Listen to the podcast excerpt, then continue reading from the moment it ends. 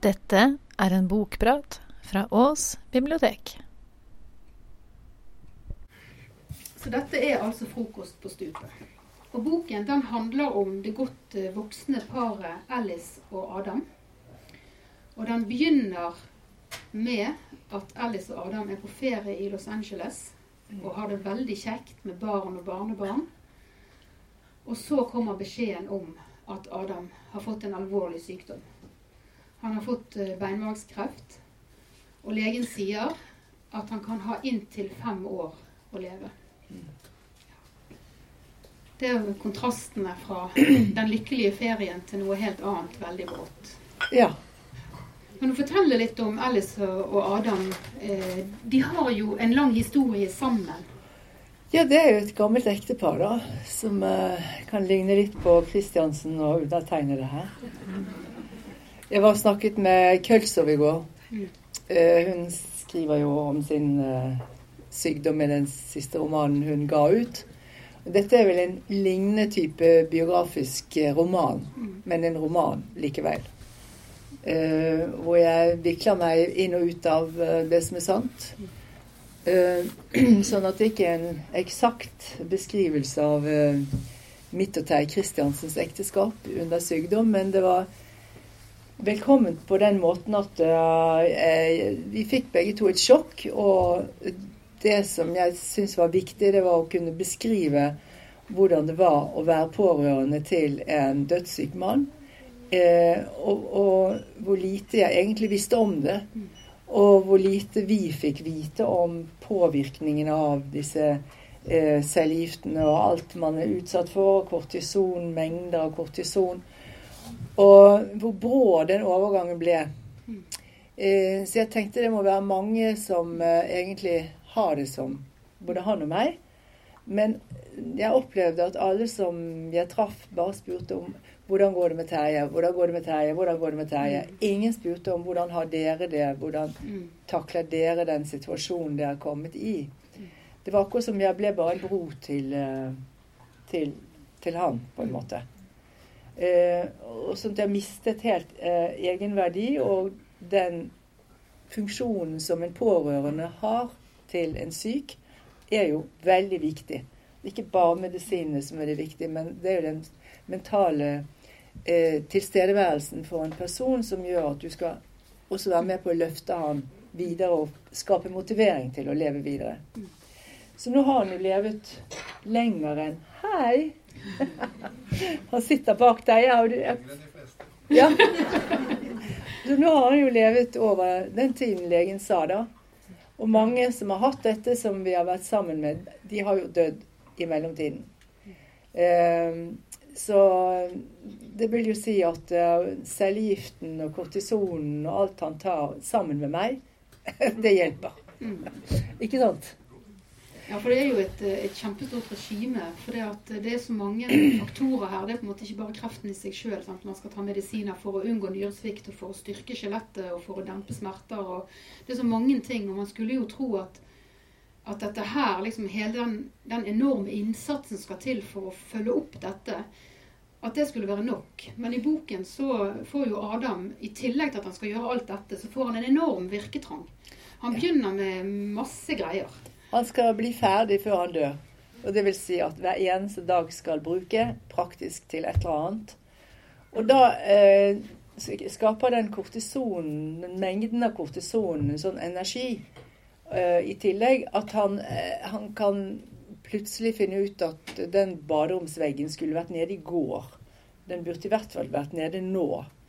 Og da tar han på seg hele verneutstyret og masker og alt, og så tar han en diger slegge, og så går han bare ut og hamrer den ned. Til stort sjokk for undertegnede. Det er faktisk en av de sanne episodene i, i boken.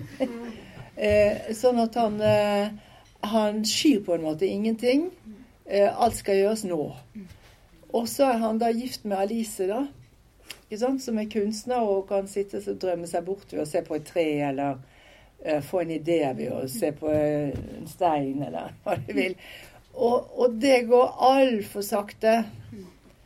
Hun går da altså på en frekvens som ikke han kan møte, så han blir stadig veldig utålmodig, veldig irritabel. Og og det kan føre til at de, de, på en måte lander i hver sitt univers, på en måte. Og eh, Så hun blir på en måte det rotehodet som han blir helt eh, svimmel av. Eh, hvis han ser en, en tekopp stå igjen liksom på skrivebordet hennes, så skal det bort. hvis det ja. Og det utarter seg da. Mm. Ja, for nå blir det på en måte mer prekert. Har ja, ja. Alltid, hun har jo alltid vært sånn. Hun har jo alltid vært kunstner og alltid sittet og skrevet, alltid holdt på med dette. Og han har vel alltid vært kanskje Effektiv. på. Men Absolutt. nå har på en måte det blitt Veldig stor avstand. Ja, det polariserer mm. seg på en måte. ikke sant? Ja, ja, veldig. Så hun opplever da at han blir langt borte. Og ja, f.eks. i en episode hun reiser til eh, utlandet i fire dager og kommer hjem til at huset er snudd helt på hodet. Eh, hele kontoret hennes er ryddet bort. Alle de tingene som eh, hun har liksom plassert der og her, og et bilde av barna der, og et bilde av han der, osv. Nei, det er tatt ned i kjelleren. Alt. For det skal da til, til kaller han det arkivet, og det skal til eh, hva det heter, Nasjonalbiblioteket, som han har avtalt, at alt, alle manus, alt som er uferdig, alt som er de har gjort da, i løpet av Hun er forfatter i filmen. Nei, i filmen, sier jeg. I boken. og det, det var plassert vekk. Så hun føler liksom seg truet da. At hun på en måte, han ikke tåler at hun skal være kunstner mer. At han forlanger at hun skal nå bare bli hans kone. Ja, for det, Man kan jo forstå dette med å rydde i papirer, og man kan forstå for så vidt til og med det å sette opp flaggstang kan man jo forstå. Eh, ut ifra en sånn at vi skal ordne opp, og ting skal være i orden. sant? Ja. Eh, men jeg har litt tendensen sjøl, bare jeg skal på ferie, så skal liksom alt være ordnet. sant? Man vet jo ikke om man sjøl er den som kommer først inn døren hjem etterpå. Eh, så man kan kjenne den tendensen til at alt skal være i orden. Men akkurat det med, med tårnrommet og det med Nasjonalbiblioteket det er litt vanskeligere å forstå ut ifra den settingen. For det, at, at det er jo ikke en ting som han rydder opp for seg sjøl eller for hun i fremtiden. Men det er en sånn total inngripen i hennes videre liv. Sånn, at Tårnrommet, det var jo hennes eh, Det var der hun satt, som du sa, og skrev og, og hadde på en måte sin kreative eh, klokke, på en måte. Altså, der er alt lagt til rette for det. Ja. Eh, så det var pågående. Det er jo ikke ferdig for henne. Nei. Og de manusene og alle disse papirene bare tenker Hvis noen skulle avlevert mine papirer til Nasjonalbiblioteket uten at jeg hadde fått sett på det, så jeg blitt litt nervøs, tror jeg. Sånn at, at det, er jo, det, er jo, på en måte en slags helt annen inngripen i hennes liv da. Jo, det er interessant. Jeg så jo på det med, med de øynene som man ser på en som overdriver et for, i og for seg et eh, jeg vil kalle det talent han har hatt hele livet. Det er jo å uh, gjøre store ting. Rydde. Gjøre det mulig for meg å lage film eller alt det der. Ikke sant? Mm. For det er mm. sånn veldig flott på mange måter. Men plutselig da så så gikk det for nært. Mm. Og, og, og, det er jo i og for seg en sann historie, akkurat det, men, men den er jo gjort litterær. Mm. Eh, og eh, og det fortalte jo noe om hvor omfattende denne forberedelsen til hans død skulle være. Men også at jeg på en måte følte at han skulle ha meg med seg. Og, det, og da begynte min kamp, liksom. For hvordan skal jeg greie liksom å bli igjen her? Og ha noe som jeg kan holde på med fortsatt. Ja, uten at det føles som et forræderi i den situasjonen dere er i nå, kanskje. For da tenker jeg på det må være veldig vanskelig å kreve rom for seg sjøl eh, når man er den pårørende. Når den, når den nære er oppe i en sånn enorm kamp som dette. Men det er jo ja, livsviktig. Det, Dette det andre livet som òg er viktig, tenker jeg. Jo, jeg syns jo det var veldig ubeskjent av meg å få de følelsene. Mm. Uh, fordi at jeg tenkte at uh, det gjelder ikke meg. Det gjelder han. Mm. Og, og, det er vel den gamle arketypiske måten kanskje kvinner er opplært til å tenke. Total underkastelse, utslettelse, oppgivelse. Eh, fordi at eh, eh, kvinner Nå tenker jeg på den kvinnelige omsorgspersonen. De har jo alltid vært eh, egentlig ja, sykepleieren, omsorgspersonen. Eh, den som gir opp jobben sin, den som skal passe barna. Så det ligger i det. Og hvis du drar nedover til India f.eks., der brenner de jo enken. Mm. Sånn at Ja. eh, jeg tror at det er mange ubearbeidede eh, Hva skal jeg kalle eh, arketypiske eh, momenter som vi ikke har fått øye på ennå. Fordi dette er en sånn tabu å bryte det. Det å snakke om seg selv hvis din mann er dødssyk, det er på en måte ikke lov. Og så, så sa Terje det når han begynte å lese dette her. og så ja, her bryter du en tabu, sa han. fordi at uh, dette har ikke eh, jeg lest før. Og jeg fikk en uh, melding fra Susanne Brøgger, som hadde lest boken, som sa Jeg vet hvem hun er. Susanne Brøgger. Som skrev at denne uh, unike bok som litterært sett ingen tør å nærme seg med dette temaet. Mm. Det er altså, Hun bekrefter det som både Terje og jeg skjønte at jeg var inne på, at dette er noe som vi rett og slett ikke har nådd litteraturen ennå. Men jeg må jo likevel si at selv om det kommer veldig klart frem, og man føler veldig med Alice når hun er så har sånn enormt behov for å ha sitt eget liv som en del av dette nye livet. sant? Som en del av det. Mm. Ikke bare, men som en del av. Så er det jo beskrevet med det, Dette er jo beskrevet med veldig kjærlighet. For det er et sted du skriver i boken at hun kommer opp på dette nye tårnrommet som er helt annerledes enn det det var før. Og, og det bildet som onkel malte som pleide å henge akkurat der, som hadde denne oppslåtte boken som hun fablet om. Hva kan det være, denne boken? Er det en bibel? Hva er det for noen ting?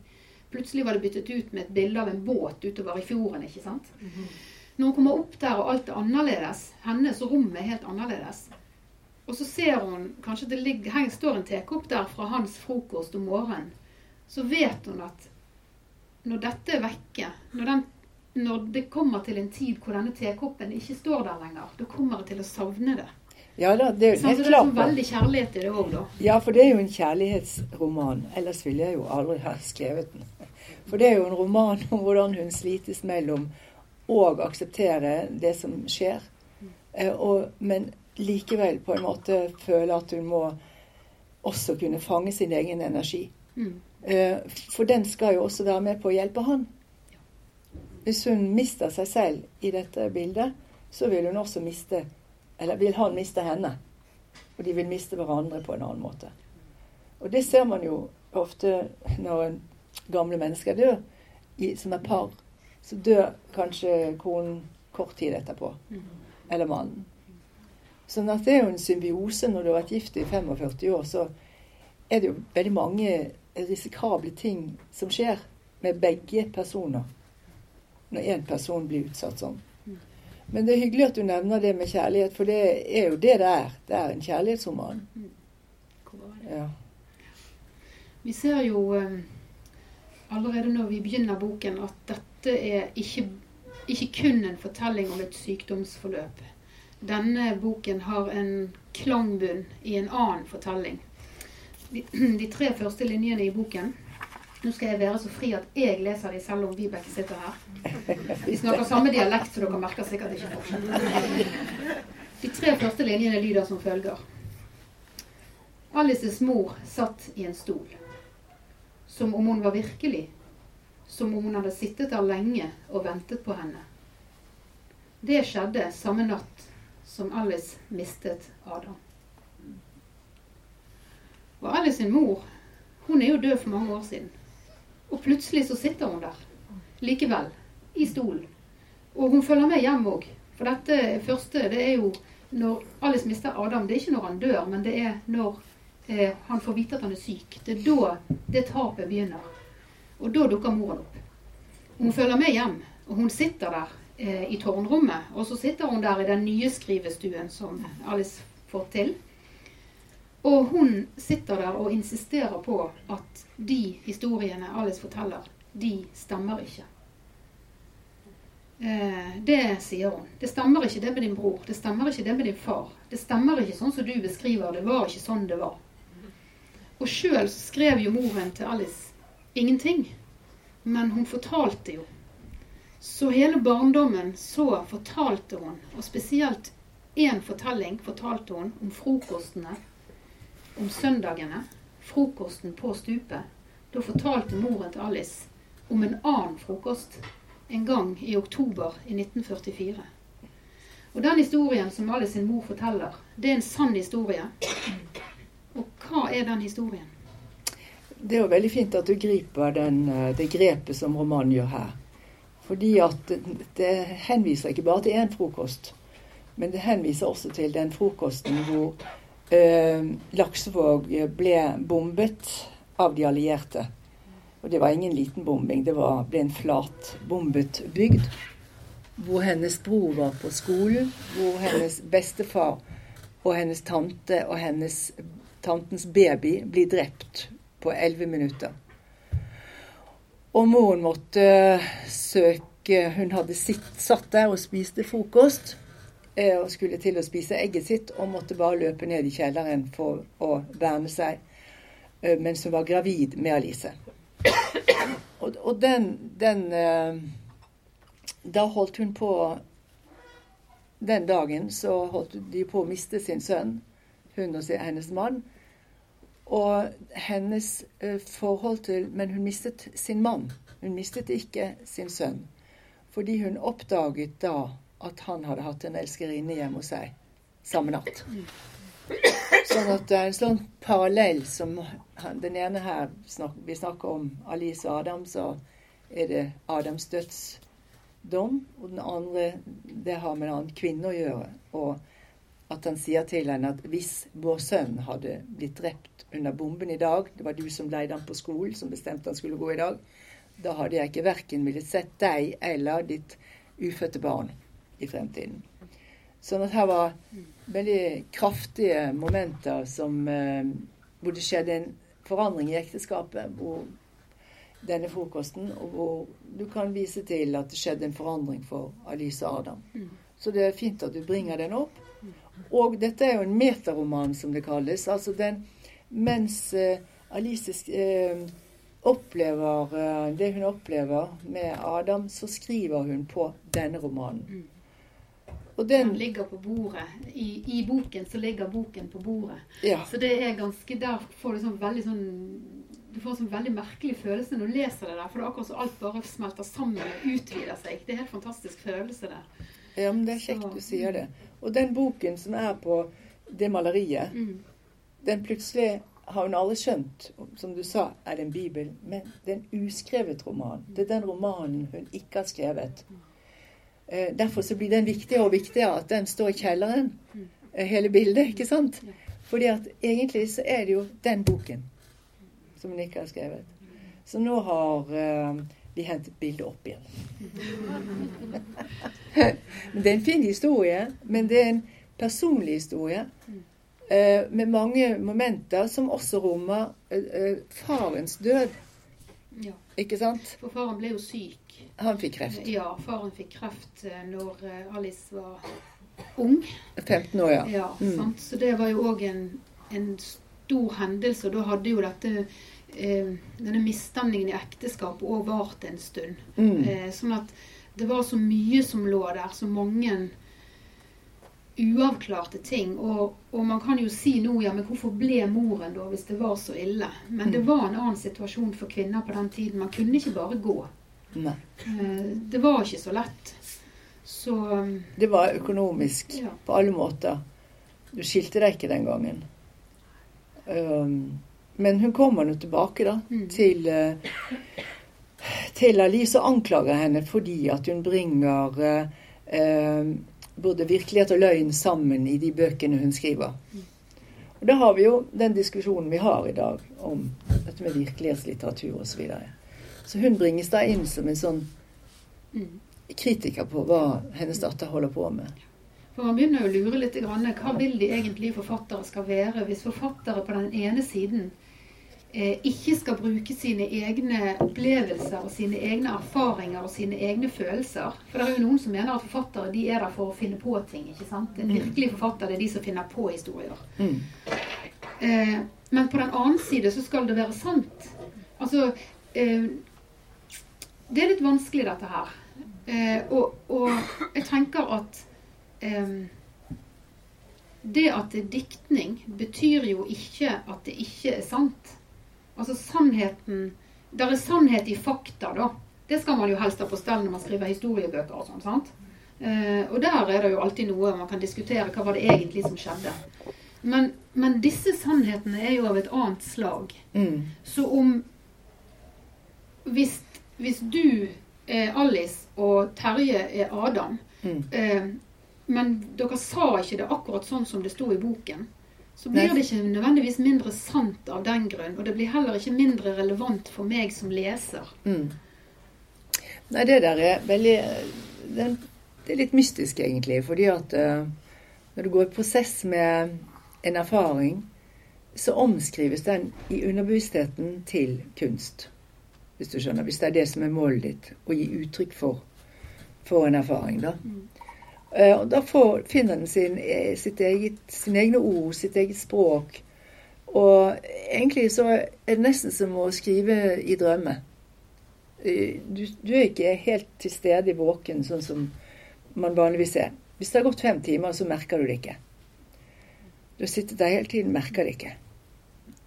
Eh, sånn at det, hvis man skulle interessere seg litt for det der eh, rommet som kunstnerne baler i, så, så er det veldig um, Egentlig helt fantastisk.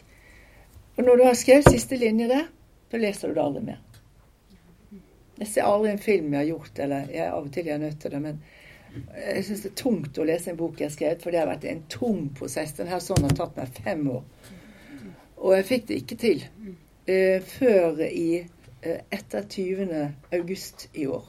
Da fikk jeg det til. Da ble den ferdig på tre uker. Og det er, en, det er en bok på 240 sider cirka, eller noe sånt. Og jeg gikk og strevet med 80 sider. Men jeg, jeg manglet liksom det som skulle til. Og, så, så det er egentlig en bok som er, henviser til denne sommeren, denne varmen. Disse veldig ferske hendelsene. Der hvor det er sant. Og så kan du si, så lager jeg et univers rundt dette her som ikke er sant. F.eks. en nabo som heter Ove, som roper på en katt hele natten som gjør at man ikke kan sove. Og som eh, hun tar katten med seg og går bort til han en natt. Er så lei av den der. Tenkte nå kan du få den katten din. Du skriker og roper på han, men han er jo full, ikke sant. Og så, eh, så kommer så har han plutselig en Facebook-venn, og så plutselig så står han der og gjerne ta Facebook-bilder med henne og inn, for han gir henne noen bøker. og Eh, og plutselig så sier han Jeg skjønte jo ikke helt du kom bort til meg midt på natten, men jeg forstår jo nå at din mann er syk, så kanskje du trenger eh, litt trøst her. Så eh, boken er jo veldig morsom òg. Eh, og plutselig så ligger han på, so på sofaen på, eh, på balkongen hennes og Om vinteren. om vinteren. Ikke sant? Og hun er redd for han skal fryse i hjel, og, og så oppdager Adam det og begynner å bli sjalu. og når han har gitt henne disse bøkene, så hva er dette for noe? Han tenkte å flytte inn. Dette er jo bare begynnelsen. Han bare venter på at jeg skal dø. ikke sant? Ja, da Adam hadde ryddet så fint. Så han Ja, kommer litt som ah, ah. Ibsen og Bjørnsen inn gjennom Ja, så kommer han med hele foreldrenes bokhylle og, og bøker for å gi henne. Dette er bare tull. Helt tull og tøys. Sånn at, men jeg skal, det som er kunsten, det er å gjøre eh, løgnen til noe som du skal tro er sant. Det er det som er eh, Da er du en god dikter, hvis du greier det. Sånn at man skal ikke merke forskjell på eh, Man skal helst tro man leser en roman. Og skal man tilfeldig få vite at ja, selvfølgelig, hun har jo også tatt fra sitt eget liv. Sånn der. Men ingen skal merke hvor det skiller seg. Du, du sa jo det at du ikke vil lese om igjen dine egne bøker når du er ferdig med de, og jeg tenker det at du tar jo en sjanse, ikke sant? For i det øyeblikket du, du setter sluttstrek og forlaget sender det til trykkeriet, Mm. så overlater du egentlig denne her til oss. Ja, nå er den deres. Det er ikke min. Mm. Nå er den vår. Og vi, og vi leser den ut ifra våre erfaringer og våre historier. Og, og vi som jobber med, med bøker, vi er jo veldig glad i å få ting til å gå opp, da. Det er ikke alltid det er så veldig, så veldig viktig, men, men noen ganger så liker vi det. Og når jeg leste denne boken her, så må jeg si at jeg visste ingenting. Jeg visste ingenting om denne boken sin kobling med virkeligheten. For jeg ser så lite på TV, og jeg har så lite tid å lese sånne blader som man bør lese hvis man skal vite sånt. Eh, Så jeg leste den kun som en, som en roman. Og selv om det er dette punktet hvor boken ligger i boken, der du skjønner at nå går han over, nå går han ut i virkeligheten, nå, da skjønte jeg at det måtte være en kobling. med virkeligheten, eller Mm. denne verden her ute, da. Eh, men det som jeg tenkte veldig på når jeg leste den, det var det at vi, Du begynte med det. Du snakket om dette med den pårørendes rolle. Mm. For det, sånn som jeg ser det, så er Alice hun er en pårørende både til Adams sykdom Altså i, den, i det forholdet er hun en pårørende. Men hun var òg en pårørende i sin egen oppvekst. Mm. For hun var ikke født når alt dette dramatiske skjedde. Når den store, store hendelsen i hennes familie tok plass. Mm. Som både var det at broren gikk på skolen og opplevde bombingen. Faren gikk og leitet etter han der nede. Moren satt i kjelleren med Alice i magen og visste at mannen hadde vært utro. Hele denne Du snakker om en bombe, altså. Her var det bomber både faktisk og mentalt. Alt dette var Alice ikke en del av. Hun kom etterpå. Hun var et fredsbarn akkurat på den rette, eller der, akkurat over den skillelinjen mellom krig og ikke-krig. Så hun var en pårørende i denne eh, fortellingen som hadde disse tre andre som kjerne. Og det var jo det Alice Aas sier, at når min bror flyttet, så tok disse frokostene slutt. Denne historien falt på en måte vekk da. Og det er da jeg tenker at både i den fortellingen fra krigen de går jo, Faren og Alice går jo bl.a. og besøker denne graven på Laksevåg. Men nede i den graven ligger det ingen. For det var ingenting å finne. Alt var bombet sønder og sammen. Kan, det var ingenting å legge i den graven, men graven er der. Og det er noe spesielt når du går til en tom grav, altså. Eh, og nå er hun blitt en pårørende til en enormt viljesterk og en fyr som bare ikke gir seg. Eh, sånn at i begge disse så blir hun i randsonen. Men så tenker jeg at det er jo den pårørende sin egen fortelling òg, dette. Dette er jo den pårørendes liv. Mm. Dette. Ja, ja. Selv om man ikke er det sentrumet, så Mm. er jo det enormt styrende for hele livet. Og når skal den pårørende få lov å ta eierskap til sin egen historie? Når skal den pårørende få si at ja, men dette er faktisk mitt liv òg? Mm. Du er jo veldig god, da. Og alt dette tenkte jeg før jeg visste noen ting om eh, koblingen til virkeligheten. Er det sant? Ja. Oh, Gud, da, kan ikke du bli med igjen? Jo. Jeg har virkelig bruk for henne. Eh, Jo, altså, det var veldig flott eh, den analysen du kom med. det. For så, så mye utenifra greier jo ikke Alice å se Alice, på en måte. For jeg går jo inn i den der tunnelen hele tiden.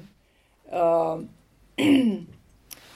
men det, det Jeg ble jo også en pårørende for min mor, det kan jeg godt si.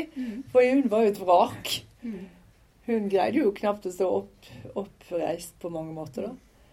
Så, så det, det, den omsorgsrollen, den fortsetter jo for Alice. Og det merker man jo på også en veldig sentral scene i boken, hvor faren eh, en dag kommer til et tidspunkt hvor han ikke vil leve lenger. Så han har, eh, uten at Alice vet det, avtalt med eh, diakonen om at han skal komme dagen etter nyttårsaften eh, og ta livet av han med morfin.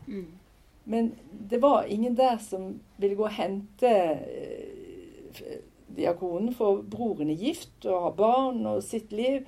Moren er hjemme hos faren, sånn at eh, det blir Alice som gir Nei, moren som gir Alice oppgaven om å gå og hente diakonen, og det er ganske lang vei. Eh, og, og fordi og, Ja, han skal hentes fordi han skal eh, eh, han skal stelles, han skal vaskes, han skal klippes og barberes. Det var det vanlige. For det var det diakonen gjorde når han kom, vanligvis. Og da beskrives i boken da denne veien ut for å hente den diakonen som alltid går i svart, og som alle barn er redd når han kommer langs gaten, fordi han, de vet at når han kommer på besøk, så er det fordi døden nærmer seg for noen der i gaten. Og så skjer dessverre noe overraskende. Han tar ikke bare opp kam og barberhøvel, men han tar opp en diger sprøyte. Og da eh, er jo Alice den som protesterer mot at hun skjønner at nå skal han eh, Nå er det noe som skal skje. fordi at faren skal si adjø til Alice og mye sånn. Men da blir hun holdt fast av broren og moren, som kan ikke gjøre noen ting. Og det er selvopplevd. Og den, den følelsen i kroppen, den kan jeg gjenkalle når som helst. Det at du vil, du vil redde din far fra å bli drept, rett og slett. Men du får ikke. Du blir holdt fast. Og, øh, og det er rart hvordan ingenting sånn man tenker, Når man blir gammel, så blir jeg kvitt det der. Forsvinner det. For det har gått så mange år. Men tvert imot så kommer de tingene tilbake igjen på, som perler på en snor. Alt du vil glemme, det kommer. Og det syns jeg var en utrolig forferdelig oppdagelse. At jeg kunne skrive så klart om det som skjedde. Og da blir jo hun løperjenten i bokstavelig forstand, som har vært den som blir sendt, ikke bare til Sånn som man husker fra Løperjenten-filmen etter sko og alt mulig ærend som skulle gjøres. Nei, hun skal hente farens drapsmann og pistol. Ikke sant? Og det blir da Kommer tilbake igjen, og hennes mann, som hun da sier et sted at hun håper aldri at hun blir bedt om å hjelpe uh, sin, den hun er glad i, inn i det rommet. Hvis du skjønner. Sånn at, eh, og så forsvant min mor ut også av det rommet. Så jeg ble jo sittende igjen alene med min far. Og jeg var 15 år når han døde. Så dette med at man blir sendt for å hente han, og man, man vet ikke, man skjønner ikke før etterpå hva det var man ble bedt om å gjøre. Nei, akkurat. det sviket ja. i at, at du, du går og du tror du gjør én oppgave, og så gjør du egentlig en helt annen. Nettopp. Sant? Og det er jo klart, det er jo ingen skyld forbundet med det, men vi er irrasjonelle, så vi tenker alltid at ja, men bare du hadde skjønt. Sant? Ja, det er underbevissten styrer. Ja. Det er den som eh, fanger opp situasjonen. Og, og det, det at min mor ikke engang var der Ja. når han ikke pustet mer Jeg snudde meg og snudde meg. Nei. Og det beskriver jeg hvordan hun sitter der på kjøkkenet innemurt dette lille kjøkkenet sin etterpå. Eh, det var jo også en sånn form for Altså min mor, den lille piken, som aldri greide å vokse opp og ta konfrontasjonen med det livet som egentlig Det voksne livet. Det voksne livet, ja. Mm, ja. For det, det er jo òg en sånn ting når du tenker på at det er den relasjonen som kommer til å fortsette sant? etter farens død. Så det er for relasjonen mellom Alice og moren som vil Mm. fortsette lenge. Inntil moren blir gammel og, Og dør. Og, og dør. Ja. Heller ikke u... Det er heller ikke lett, det, den måten hun blir behandlet på på sykehuset i boken der. ikke sant? Nei. At Det der er for lite plass, og man vil egentlig Bli kvitt henne så fort ja. som mulig. Ja. Eh, Så det handler jo om Mm. utgangen vår på mange måter. eh, som, eh, som Alice har opplevd Ja. noen ganger. Og det er klart alt dette her kommer jo tilbake med enorm kraft i en sånn situasjon som man får en beskjed Ja, jeg, som den som tror det. Adam og Mm.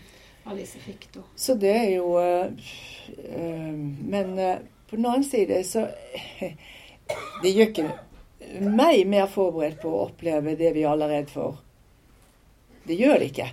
For du vet ingenting om hva som skjer med deg selv når du mister den du er glad i. Nei. Det tror jeg ikke man kan forberede seg på. Nei. Men det som jeg syns er så fint, nå høres det jo ut til at det her er en rekke med begredeligheter. Og det er jo på en måte det, for alle hendelsene er veldig sterke. Men det som er òg, det er at det er en sånn enorm livskraft. Det er en sånn enorm eh, Bare den måten som Alice ikke finner seg i å bli satt på siden. At hun vil ha sitt rom, eh, både bokstavelig og mentalt. Hun vil skrive, hun vil, hun vil faktisk være kreativ sjøl i en så destruktiv periode som dette. Og, og måten dette forholdet mellom Adam og Alice, altså den varmen og Det er veldig, veldig vanskelig, fordi at han blir så fjern på en måte inn i seg sjøl og sin egen kamp. Men likevel, begge har en vilje til å være sammen. Mm. Og, og det er så fint beskrevet, og, og det egentlig sitter, sitter mye med den følelsen i boken. At det er, sånn, det er en sånn vibrering, en sånn, et sånt liv i den. Kanskje rar ting å si om en sånn bok som dette, ikke sant? når dere hører om da, disse hendelsene som er død mye. Så er det så mye liv i denne boken.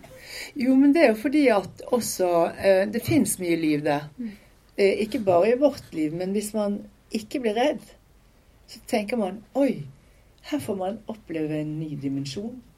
Man er så heldig som ikke døde i en bilulykke, på en måte.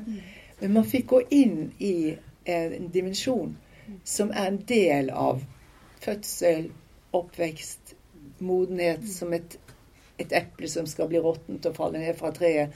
Man får være med på hele prosessen. Og det er jo egentlig fantastisk. Og, og, og, så, så, jeg må si at uh, man vokser jo inn i noe. Og i det man skal vokse ut av noe. Og jeg sa i et intervju her for en i, Hva heter det? Dag og tid? Eller noe? Ja, Dag og tid. Mm. Så sier jeg når, når man gjør et stort tap, da skal man ta steget ut i et nytt univers, på en måte. Og søke på en måte eh, noe som kan fylle deg igjen. Mm. Man skal ikke gå med på at ting bare er tap. Mm. Det er også en gave. Mm. Jeg skal ta og lese den fine teksten til Susanne Brøgger som hun sendte meg her. Hvis jeg finner den, da. Nå kan du si noe mens jeg leser. Ja, men det er jo sant, ikke sant. For at, uh, vi vet jo alle det. Der er vel ikke så mange som har fått noe annet enn et visst antall dager. Hvor mange de dagene blir, det vet vi jo ikke noen ting om, noen av oss. ikke sant? Men vi oppfører oss egentlig som at vi har uendelig av de så det er det med dette at um, det blir en sånn enormt sterk påminnelse om at de dagene vi har, de er verdifulle, og vi kan fylle de. Det er ingen andre enn vi som kan fylle de for oss. da. Og så vet vi jo ingenting. Nei, det er jo ingen som vet, ingenting. om vi går over den gaten der snart, så kommer vi ikke igjen. Nei. Mens den som vi visste skulle dø, eh, ja. den kommer hjem. Ja, og det er det vi forundrer oss over. At alle de, eller mange av de vi snakket med, har snakket med i løpet av fem år som har vært syke, eller ikke syke i det hele tatt, de er plutselig døde. Mm.